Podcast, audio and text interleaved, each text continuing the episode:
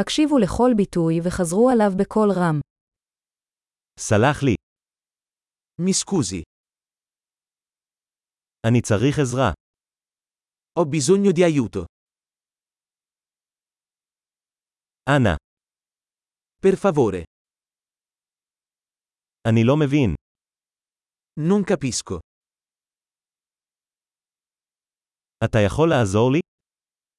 Mi potete aiutare? יש לי שאלה. Ho una domanda.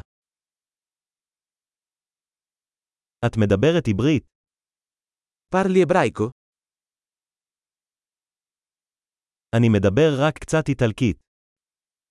Parlo solo un po' italiano. תוכל לחזור על זה? Può ripetere? אתה יכול להסביר את זה שוב? Potresti spiegarlo di nuovo? אתה יכול לדבר חזק יותר? Potresti parlare più forte? האם תוכל לדבר לאט יותר? Potresti parlare più lentamente? התוכל לאיית את זה. Potresti fare lo spelling? אתה יכול לרשום לי את זה? Me lo puoi scrivere?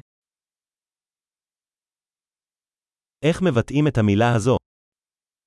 Come pronunci questa parola?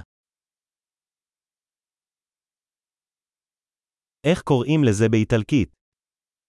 Come si dice in italiano?